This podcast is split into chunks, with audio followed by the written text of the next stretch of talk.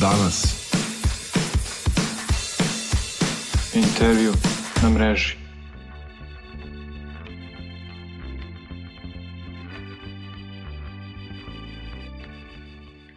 Dobar dan svima koji nas prate na Facebook stranici Lista danas.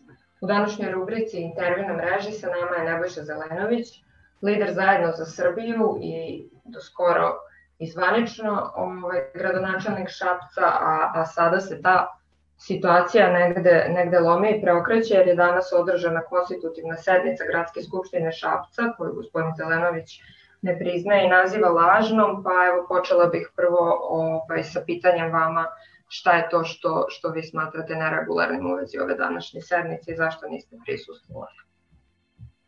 Pa čitav proces izbora u Šapcu je nezakonit i mi smo se obratili različitim institucijama ove e, države e, sa različitim dokazima oko toga da je proces pokraden, da je izborna e, volja naših sugrađana zloupotrebljena i da naravno je na taj način skršen i ustavni poredak, jer ustavni poredak naše zemlje se zasniva na slobodno izraženoj volji naših građana. Pošto to nije bio slučaj u Šapcu i za zaštitu smo se obratili različitim institucijama, od njih još uvijek nismo dobili odgovor. Na kraju krajeva nismo dobili odgovor ni od upravnog suda pred kojim se sad nalazi nekoliko naših žalbi upravo na ove poslednje faze u izbornom postupku. Prosto je neverovatno da je danas zakazana i održana e, sednica e, Skupštine grada, koja u suštini nije sednica Skupštine grada, jer sve što proizađe e, iz, iz tela koje ne može da donese odluku o izborima, pa samim tim ni mandati, ni verifikacije, a naravno ni, ni određene funkcije nisu zakonite. I zbog toga mi smo stavili ozbiljnu primetbu na sve to i čekamo da se sud izjasni. Kada se sud bude izjasnio, da, dalje ćemo odlučivati. Ali ovde je mafija i fasada državnih institucija drže sve nas zarobljenima, evo protiv toga se mi u Šapcu borimo i nećemo se predati. Da, oni su danas izabrali i, i gradonačelnika Aleksandra Pajića. Kako vama sada to izgleda? Ko će uopšte sedeti i faktički u, u, u kancelariji gradonačelnika s obzirom da ste imali i, i upad, odnosno pokušaj se na sve da zauzme tamo sve prostorije, da li oni praktično sada onda otimaju te, te zvanične institucije, da li vi imate pristup njima? Oni su jednostavno zloupotrebili čitav proces i u ovom trenutku sve ti događaji koji se dešavaju, pa i ta a, sednica a, Skupštine nisu održani po zakonu. Pošto nisu održani po zakonu, mi ne možemo da ih priznamo. Mi naravno nećemo raditi sve ono što su oni radili, niti ćemo upadati, niti ćemo se tući, niti ćemo lomiti kutije, niti bilo šta od toga. Mi ćemo našu zaštitu, odnosno zaštitu naših prava zatražiti pred a, institucijama i svakoj instituciji smo do sada evo dali priliku da radi svoj posao. Ako Pošto... to... Mhm.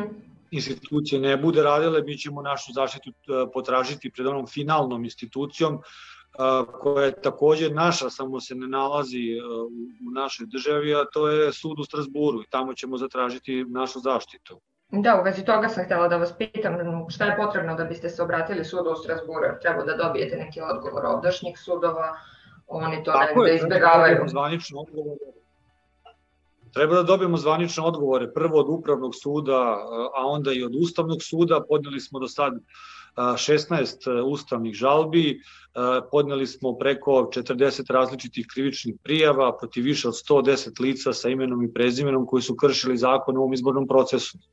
I puno građana me pitalo, pa dobro, pogotovo građana koji nisu i vaših čitalaca koji nisu iz Šapca, pa dobro, zar vi to sve niste znali? Dakle, mi smo u ovaj proces ušli zato što smo imali medije koje ljude mogu dobro da informišu i instituciju koja štiti njihovu izbornu volju, a to je Gradska izborna komisija. I Gradska izborna komisija je štitila izbornu volju Šapčana u tri navrata.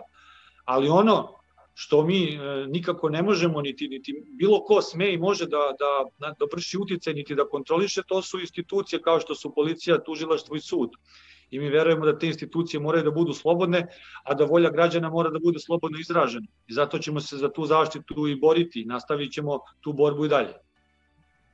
Da, evo na to se negde nadovezuje i, i jedno od pitanja čitalaca, odnosno ovde postavljeno u komentarima na Facebooku. Kako će opozicija da osvoji vlast na bilo kojim sledećim izborima kada se dešavaju izborne krađe, kao što je bio slučaj kod vas u Šapcu i to gde ste vi bili na vlasti? Ima li uopšte nade da se stane na put takvom otimanju glasova i bahatosti? Ima nade. Ima nade da se stane i zato se mi moramo boriti. Situacija je jeste dramatična. Izbori u Šapcu su pokazali još jednu stvar koju do sad možda svi mi koji se bavimo politikom, pa evo pa ni ja nisam mogao da da predvidim, a to je to bru, brutalna upotreba sile i oslanjanje Srpske napredne stranke na mafiju i organizovan kriminal. Dakle, u pitanju je organizovana kriminalna grupa koja urušava naš ustavni poredak, odnosno razvaljuje sistem države Srbije i mi sad za sve to imamo apsolutno sve dokaze.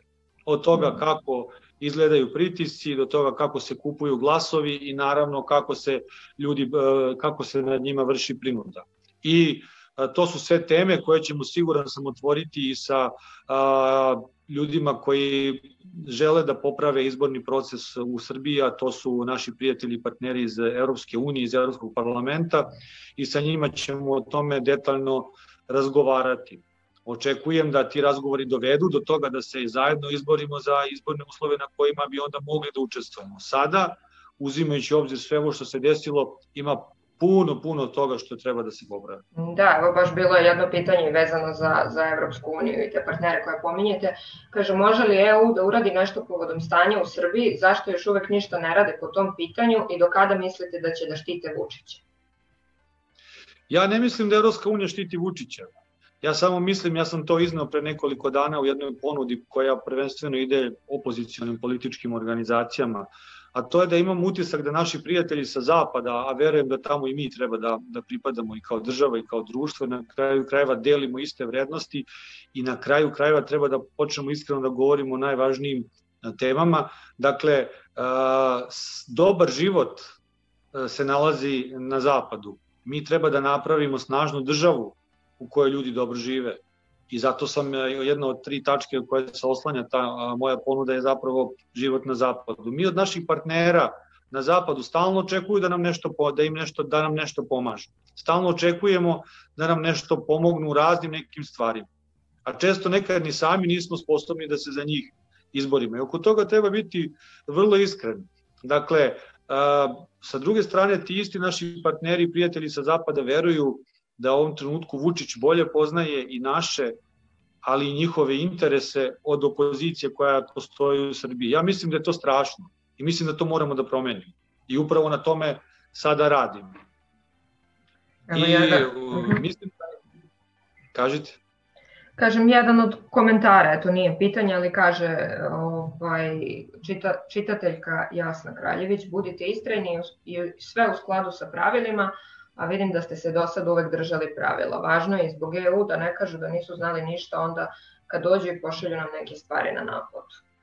Ipak eto, taj, taj pristup o kome govorite neki građani prepoznaju kao dobar. A skoro sam dobio neke, neke komentare i na Twitteru gde me ljudi pitaju da li vi sad imate potpuno opisan ceo izborni proces. Dakle, da, imamo potpuno opisan ceo izborni proces od početka sa svim neregularnostima i svim onim na šta je organizovana kriminalna grupa spremna da uradi da bi pobedila na izbore. Ono što mislim da je važno da vaši gledaoci i čitaoci znaju. Dakle, Vučić nema većinu u Srbiji. I to su izbori u Šapcu pokazali. Dakle, ja ne kažem da nema podršku. I kako je onda te podršku, ni u to čak ne ulazi. Ali nema većinu. Jer da ima većinu, ne bi angažao mafijaše da isteruju ljude na glasanje, ne bi angažao mafijaše da a, zloupotrebe izbornu volju i da vrše sve one pritiske koje su inače činili da bi mogao da pobedi i na izborima u Šapcu. Dakle, na izborima u Šapcu oni nisu pobedili. Kada smo diskutovali oko broju glasova, kada uzmete u obzir sav organizovani kriminal, kada uzmete u obzir sve nezakonitosti koje su se desile i kada uzmete u obzir ogromnu količinu novca koja je mimo svih propisa potrošena u kampanji na izborima u Šapcu preko različitih ministarstava i različitih građevinskih kopanja koje su to radile za državu, a protiv nas, Razlika je samo 800 glasova. Dakle, 8 za sve to, svu tu silu i Haridbu, to je 800 glasova razlike. Da nije bilo svega toga, da su imali nešto što može da zaliči na, na izbore, pa mi bismo njih počistili. I ako to moguće u Šapcu, moguće je bilo gde u Srbiji. I ja želim u tome da razgovaram sa građanima i želim da sa građanima iskreno, kao i sa ljudima koji žele da se bave politikom, koji se iskreno suprostavljaju režimu Aleksandra Vučića, želim da pravim partnerstvo. I to sam mi ponudio pre nekoliko dana i zaista očekujem da ćemo uskoro imati jednu značajnu političku grupaciju koja će prvo biti zasnovana na tome da imamo nova lica u politici koja nude nove odgovore, da imamo jasnu, jasnu saglasnost oko toga da Srbija treba da bude na zapadu i naravno da opozicija treba da se uključi u proces normalizacije odnosa između Srbije i Kosova i Metohije. Da, tu je negde i ono što sam ja sledeće htela da vas pitam. Znači, juče ste potpisali sporazum o saradnji sa Građanskim demokratskim forumom i oni su prvi prihvatili tu vašu ideju o tri tačke za ujedinjenje opozicije, kao što ste sada naveli. Šta je sa ostalim opozicijnim strankama? Jel ste razgovarali uopšte sa nekim? Da li, da li tu ima još da. nekih da. pomaka i naznaka? Dakle, Građanski demokratski forum je prihvatio prvi ovu našu ponudu i mi smo juče potpisali sporazum. Mi smo taj sporazum dodatno obogatili i sa vrlo jasnim e, e, zajedničkim stavom o tome da ćemo se zajedno boriti za e, poštene izbore u Srbiji, pravo svakog građanina da svoju slobodnu volju izrazi slobodno na, na izborima, takođe za demokratizaciju društva. Razgovaramo puno ovih dana i u prethodnim mesecima dosta smo razgovarali sa, sa ljudima koji su, koji su u politici, koji žele da E, da ne, kojima su ove tri stvari bliske, sa kojima možemo da napravimo kvalitetnu političku e, saradnju. I kako budu dani odmicali, ja ću javnost obaveštavati o rezultatima tih razgovora. Očekujem da se ova naša grupacija proširi. Mm -hmm. Li moguće uopšte sad dogovarati se oko ove tačke novi ljudi u središtu politike sa nekim starim licima? Da li ćete razgovarati eventualno i sa drugim strankama koje su već tu duže prisutne? Ovo nije pitanje, ovo nije pitanje da li nam se da li su lica stara ili nova, odnosno da li nam se ta stara lica sviđaju ili nam se ne sviđaju. Ovde smo vrlo jasno postavili politiku. Jednostavno treba da da a, uradimo sve da dođemo do energije naših e, građana, da to ne bude samo zasnovano i na licima, to je zasnovano naravno i na politikama, ali pre svega sa ljudima koji u ovom trenutku su takvi da građani za njih hoće da glasaju i to je vrlo jednostavno. A, učestvovati u političkim projektima za koje niko neće da glasa je, složit ćete se, besmisleno. I ja u njima neću da učestvujem i o tome sam iskreno razgovarao sa svim ljudima. Tako da, ako postoji mogućnost da se iznedre u različitim političkim organizacijama novi ljudi, a da imamo saglasnost oko ove ostale dve stvari, ja mislim da je to dovoljno, dovoljno dobra i dovoljno široka a, politička ponuda i mi smo vrlo otvoreni da, da napravimo tu saradnju sa svakim ko deli ove vrednosti. Samo da napomenem da, da ne dođe do zabune, pridružila nam se i koleginica koja će, koja će kasnije napisati tekst, da ćemo i, i prvi deo ovog razgovora, čisto, mm -hmm. čisto da se zna ko je tu. Uh, još neka od pitanja ovde na Facebooku, da vidimo šta imamo. Da, eto, oko te tri tačke koje ste, koje ste pominjali, ovaj, neko, neko pita kakav je vaš predlog za rešenje pitanja Kosova, pošto ste rekli da je opoziciju to treba da se uključi. Veliki broj, veliki broj ljudi, a naročito onih zlonamernih, je e, tu moju e, ponudu karakterisao kao moju spremnost da se prizna nezavisnost e, Kosova i Metohije. I da sarađujete sa Vučićem, da bilo i takvih optužbi. I naravno, jedno što je mene dodatno iznenadilo, to je što zapravo niko čak nije tu puno ni e, diskutovao oko same teme uključivanja potrebe da se uključi opozicija u proces normalizacije odnosa između Srbije i Kosova i Metohije, nego čak naprotiv saradnje sa Vučićem.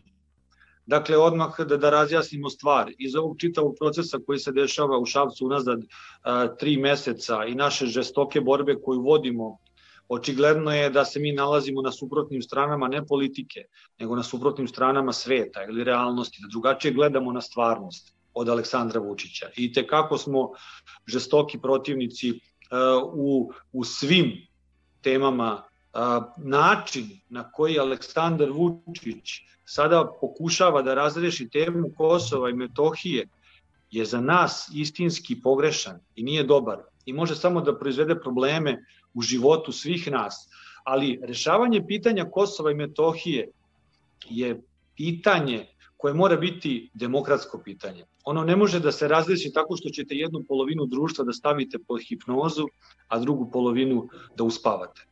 Dakle, to jednostavno neće ići. To je, prvo, neko me pitaju da, šta je moje rešenje? A ne znam, pošto ne znam šta se nalazi na stolu.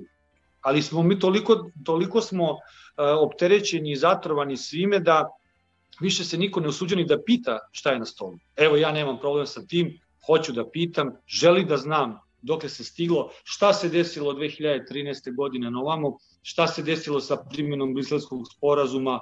Videli smo među vremenu da stižu i neka pisma koja su se razmenjivala u toku 2015. godine koje se su suprotnosti sa briselskim sporazumom, možda su među vremenu desio neki potpis, a da mi ne znamo za njega. Mislim da je dobro da se uključimo u to i ako se uključimo imaćemo priliku da utičemo na povoljan ishod čitavog jednog procesa, a na kraju kraja imaćemo priliku da učestvujemo u oblikovanju sobstvenog života. Ja mislim da je bolje da sobstveni život oblikujemo nego da to neko drugi radi umesto nas i potpuno razumem i opozitne stavove ovome ljudi koji se nalaze i u opoziciji. Niko ko je u opoziciji, ko se bori protiv Vučića ne može biti nama protivnik, čak naprotiv. Ali ja imam pravo na svoje mišljenje, na svoj politički stav. Kao što uvažavam i svači drugi, drugi politički stav. Evo ja ovako čvrsto branim na utemeljenim činjenicama e, zašto verujemo da je to važno, jer vidite, e, rešenje kosovskog pitanja, odnosno pitanja, ako mogu tako da kažem, statusa Kosova i Metohije, je pitanje koje će odrediti život i našu budućnost i u Srbiji i u ovom regionu u sledećim decenijama. Možda i u celom mislite, Jel mislite da se opozicija sada deli negde uh, na osnovu toga ko ima kakav stav o rešavanju pitanja Kosova, jer svakako da jeste bitno? Ja ne mislim da se opozicija deli. Ja mislim da se opozicija opredeljuje, što je takođe dobro ja mislim da je važno da na kraju krajeva ova stvar bude izneta pred sve građane. Ako građani budu bili dobro informisani, ako ovaj proces bude uh, potpuno transparentan, tako da svako može da zna šta se dešava i o čemu se radi i šta su naše perspektive, ja sam siguran da većina građana Srbije i naravno njihovi politički predstavnika neće, neće, imaće snagi da donese dobru odluku za budućnost Srbije. Ali ono što je najvažnije, u ovom trenutku građani ne mogu da znaju, ni oni ljudi koji njih predstavljaju nemaju pojma šta se dešava, pa novinari ne znaju šta se dešava u ovom trenutku. Hajde za početak da to prvo utvrdimo. A onda, kroz razgovor, kroz jednu ozbiljnu debatu, koliko god vremena da treba, da dođemo do toga da, da donesemo zajednički jednu dobru odluku, ta dobro doneta odluka,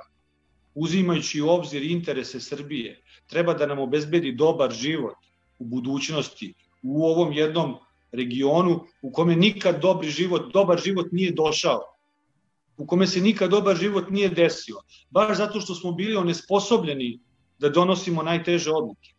Evo, ja nemam problem da se uključim, ako mogu tako da kažem, povukao sam nogu, nudim da to i drugi urade i da vidimo gde će nas to odvesti. Poražen sam činjenicom da pre, kosovski premijer dođe iz Vašingtona i onda u parlamentu objasni sve elemente e, koje, sporazuma koje je on potpisao tamo, a onda to čak ne bude ni dovoljno, nego sa svojim timom ide od opštine do opštine na Kosovu da objašnjava građanima šta se zapravo desilo u Vašingtonu.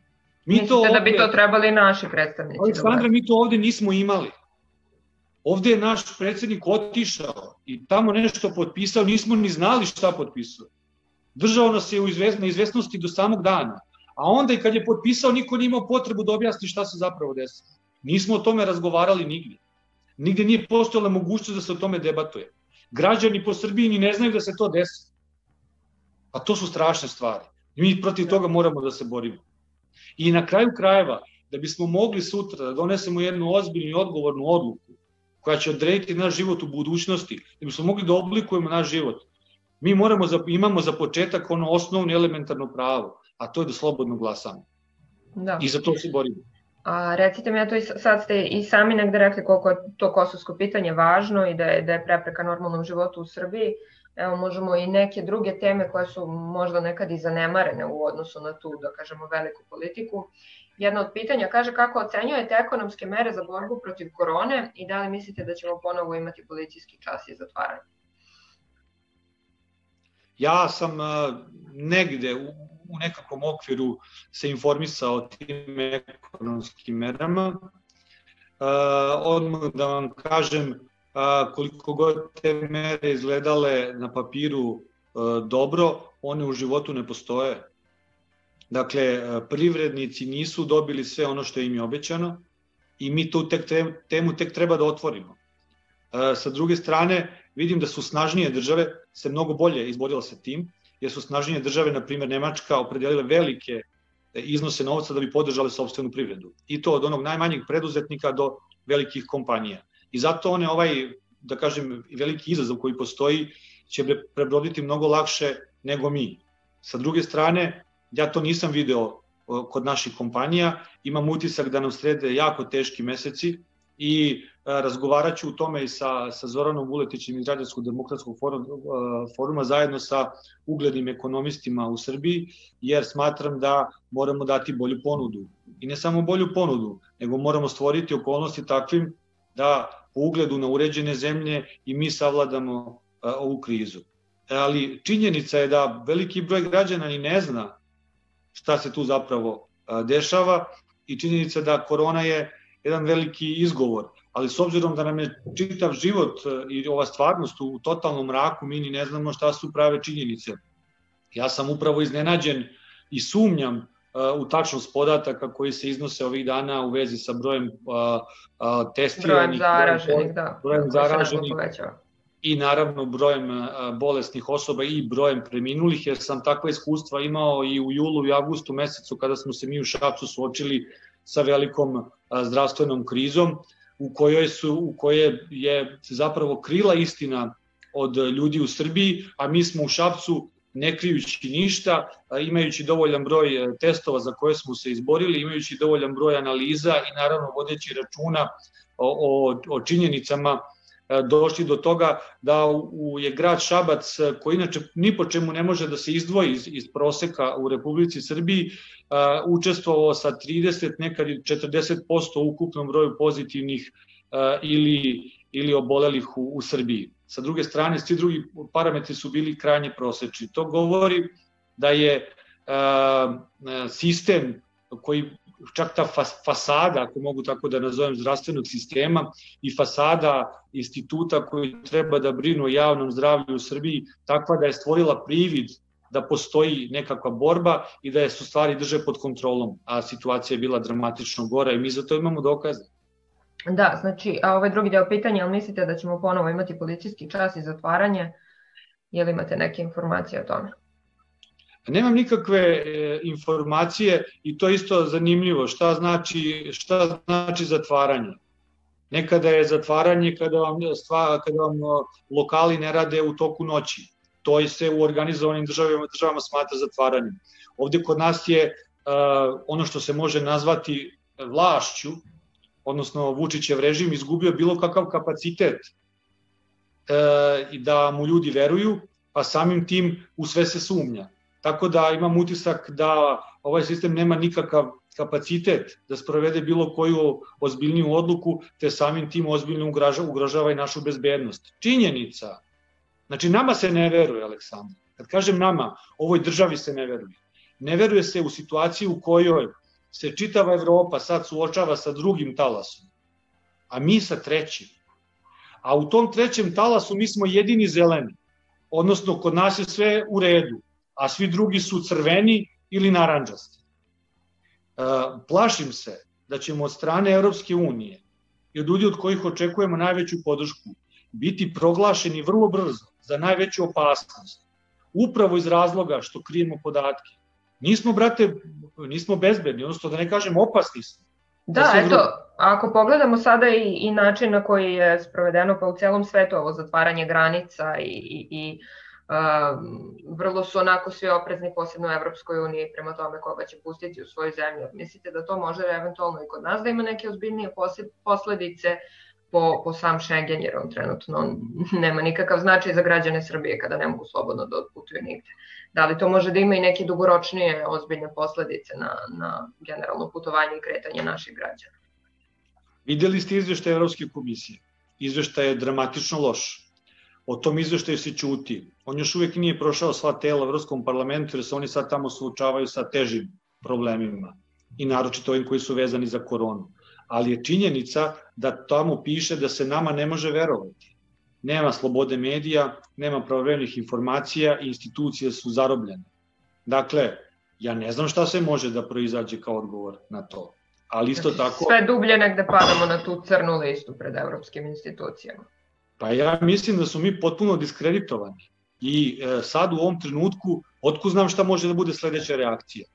Ako vi imate jedinu, e, jedinu zemlju u regionu, ili ja mogu, mogu slobodno da kažem i u Evropi, koja ne prolazi kroz drugi, nego kroz treći talas, a kroz drugi je prošla onda nakon izbora i proslava futbolskih utakmica, šampionskih titula i mitinga Srpske napredne stranke gde se igralo, pevalo, grlilo i ljubilo i proslavljala proslavljala pobeda na izborima, pa su niko nije nosio masku, a svi posle završili u bolnici.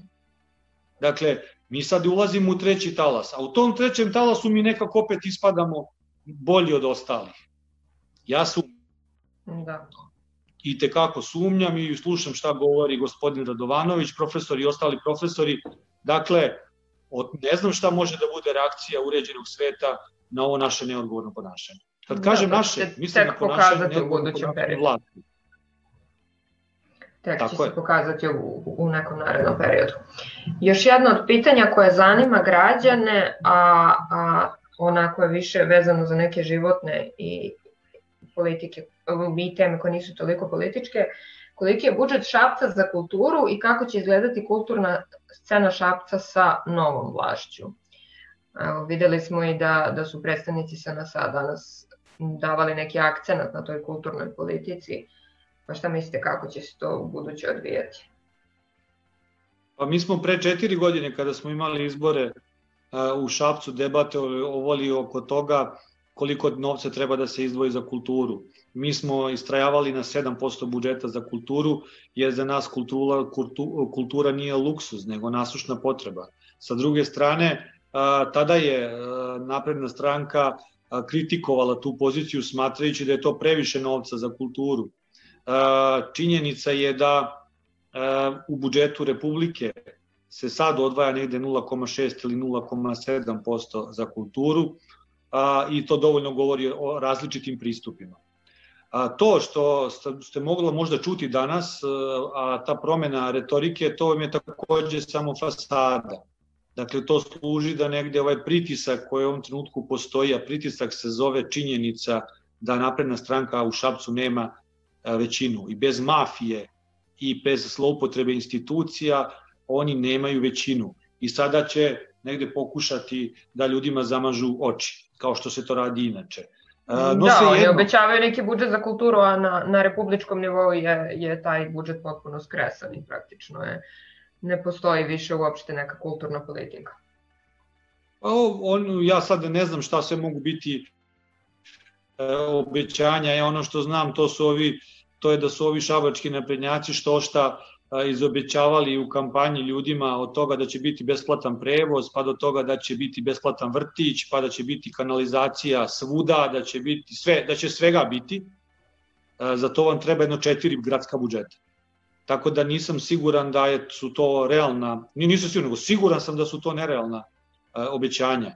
No dobro, ja sam rekao i na početku, taj izborni proces što se nas tiče apsolutno nezakoniti, za njega imamo dokaze. Čekat ćemo institucije da se izjasne, onda kad se izjasne, kad se negde na to stavi tačka, vidjet ćemo kako ćemo se mi odnositi prema stvarima koje bude sprovodila napredna stranka u Šapcu. U svakom slučaju, činjenica da je 29.000 ljudi u Šapcu glasalo za politiku koju smo mi do sada sprovodili nam daje čvrsto utemeljenje da, da imamo pravo da se borimo i branimo normalan život koji smo u Šapcu zajedno osvojili.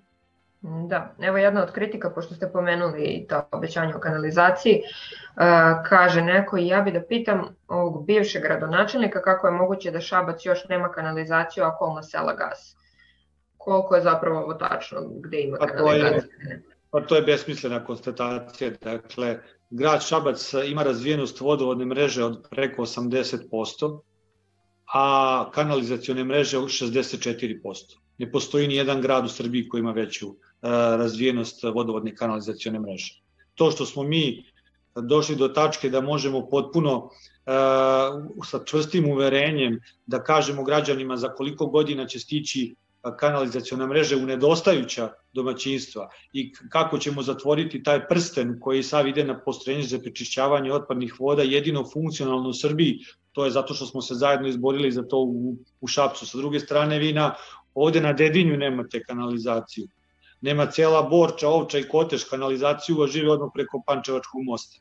Pa sa te strane imam utisak da je mnogo kvalitetnija i mnogo bolja kanalizacijona mreža u Šapcu nego u Beogradu, a o prečišćavanju otpadnih voda da i ne govorim.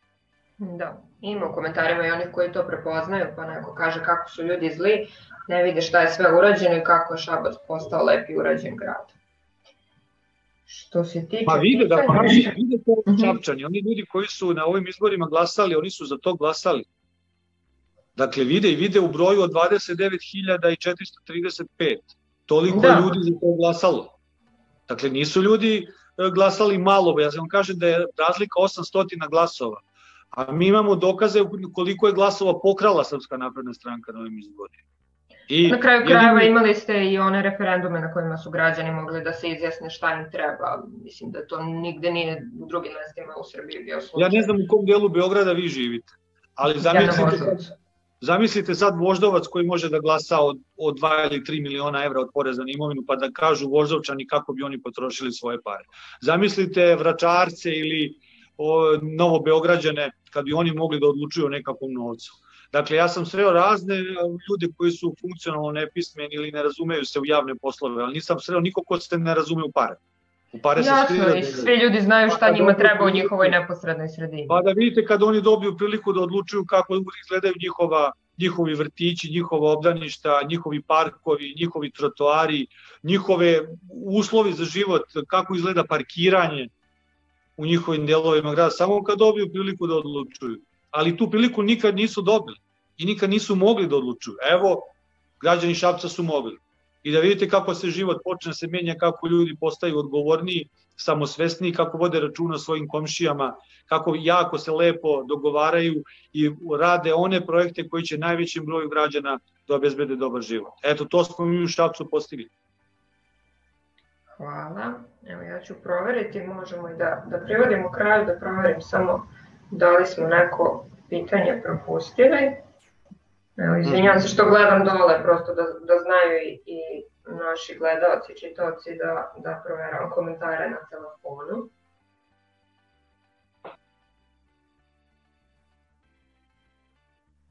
Pa bilo je tu dosta neke prepiske, ali mogu vam reći nije bilo ni direktnih pitanja, ljudi dođu mhm. da, da ove, onako kažu neka svoja, neke svoje političke stavove.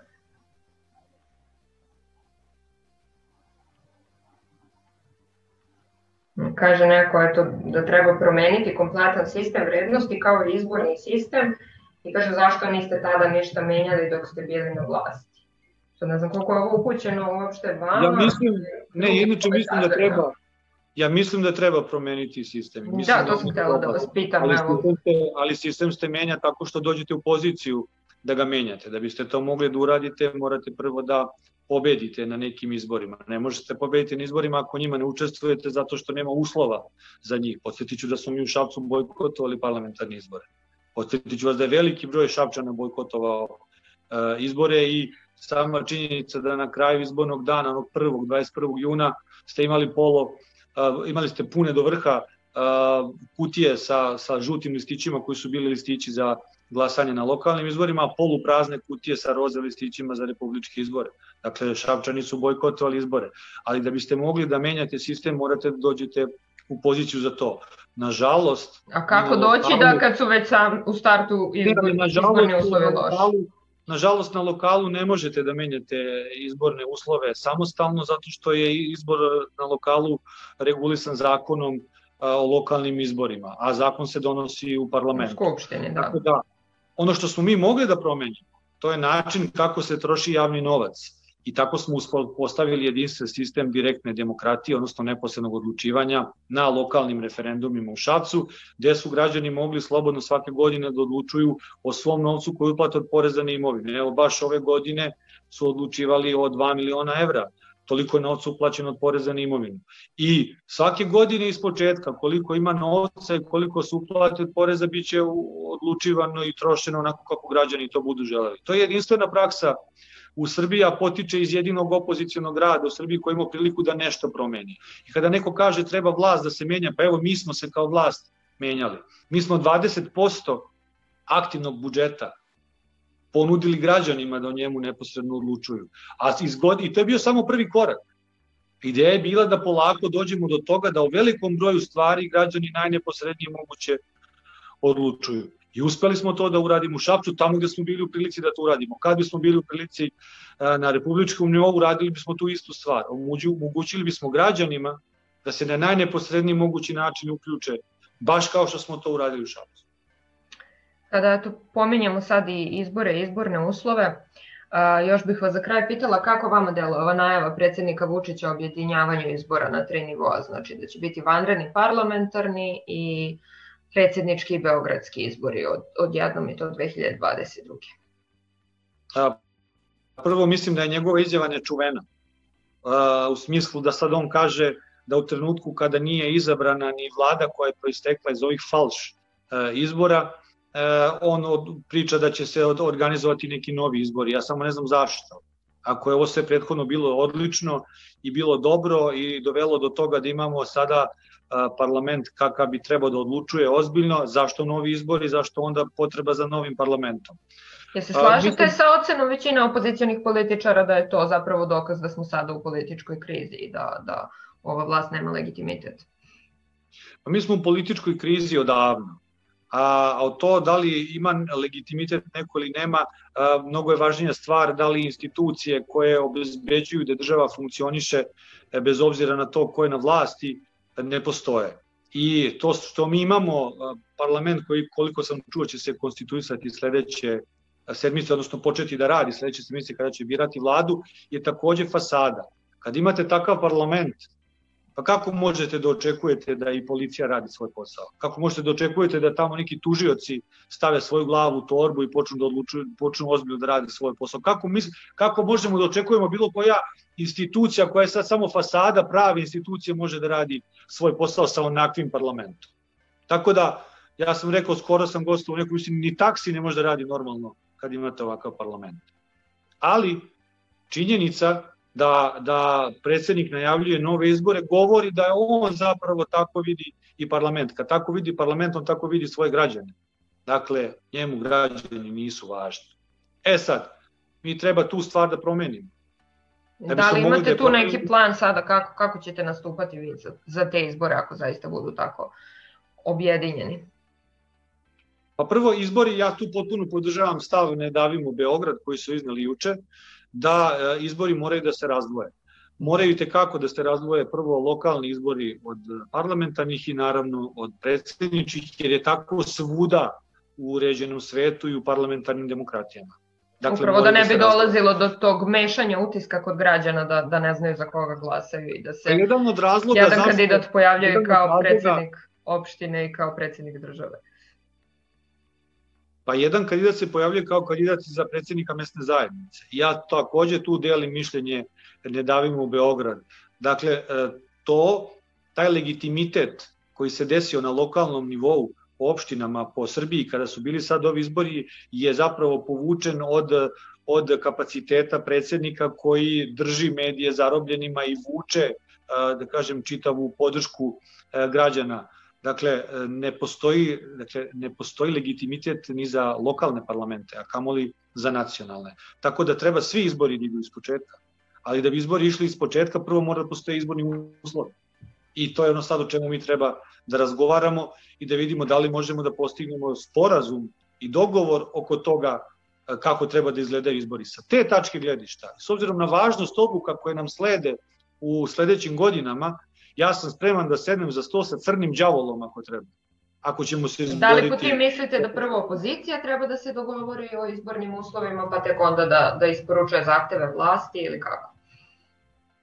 Pa mislim da su da je opozicija već u više navrata sugerisala šta su to e, zahtevi. I mislim da ti zahtevi mogu vrlo jednostavno da se svedu u dva.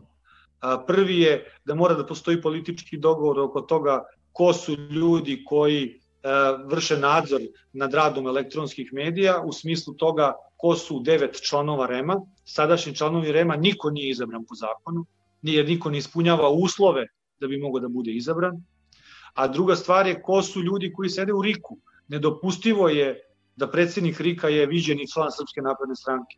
Dakle, moramo i u jednom i u drugom slučaju, pošto su uslovi za izbor i Rika, članova Rika i Rema manje više slični i govore o ljudima koji su visokog profesionalnog integriteta, duge e, karijere i dokazanog i dokazanog kapaciteta da zastupaju i brane ljudska prava i slobode na svaki način. Takvih znači da to budu potpuno nezavisni ljudi.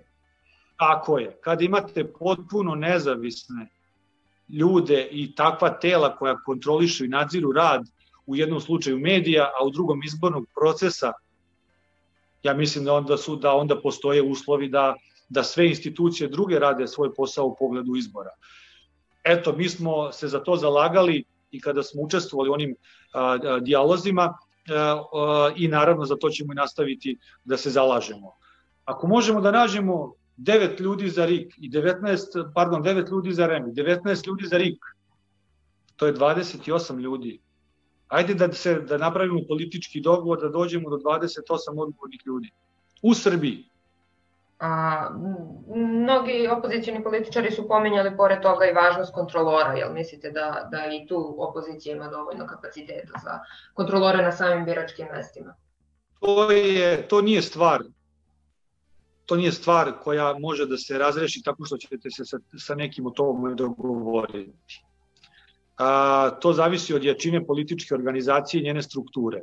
Ako imate verujuće ljude koji su sposobni da na svakom mestu a, sačuvaju kutiju od izborne krađe, to je stvar kapaciteta svake političke organizacije. Onog trenutka kad je Zoran Đinđić uspeo da sačuva biračke kutije na 8200 mesta od, od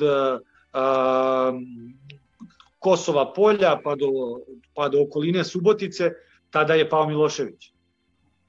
Dakle, mi sad govorimo o tome. Ali, ako imate Republičku izbornu komisiju koja je vrhovni sudija svih izbora, ta komisija propisuje i uslove. I propisuje uslove kako izgleda svako biračko mesto, kako izgleda bi izborni dan, kako izgleda sastav biračkih odbora, propisuje uslove nekih izbora. Ako imate nezavisne ljude koji znaju da rade svoj posao, oni će lako propisati izbore da oni liče na ono što je ličilo u Crnoj Gori. A mi smo, odnosno, mi smo imali situaciju u Šapcu, na primjer, da je gradska izborna komisija nakon što je uočila kakve su se sve nepravilnosti desile prvi, na prvom krugu izbora, odlučila da bukvalno primeni sve one uslove koji su bile bili izborni uh, u Crnoj Gori i da potpuno drugačije organizuje biračko mesto i propiše pravila postupanja van i na biračkom mestu, što je dovelo do toga da bude mnogo manji broj neregularnosti na sledećem krugu izbora. Tako da, to ovo je pitanje dobre organizacije, propisi postoje, pravila postoje. Ono što s čime se mi još nismo suočili, a što je vrlo važno, to je kako se isključuje mafija iz izbornog procesa. Je to ono sa čime smo se mi najstrašnije suočili, čime smo se suprostavili na izborima u Šapcu. To je posebno pitanje. Da. To je pitanje o kome treba otvoreno razgovarati sa našim partnerima iz Evropske unije. Dobro, tu predstoji onda velika borba i za opoziciju i traženje saradnika. Ja mislim da smo pokrili negde sva pitanja čitalaca koje su nam pristigla, sva ona naj, najrelevantnija, a i najvažnije aktualne političke teme malo smo, malo smo i probali onaj termin koji sam vam u početku najavila, zbog toga se evo ja izvinjavam, imali smo tehničkih problema u startu, ali hvala vam puno što ste gostovali u rubrici Facebook intervju na mreži za portal Danasa. Ja sam Aleksandra Popović, novinarka Danasa za one koji su nas pratili, a sa nama je bio Nebojša Zelenović, lider zajedno za Srbiju. danas. Intervju na mreži.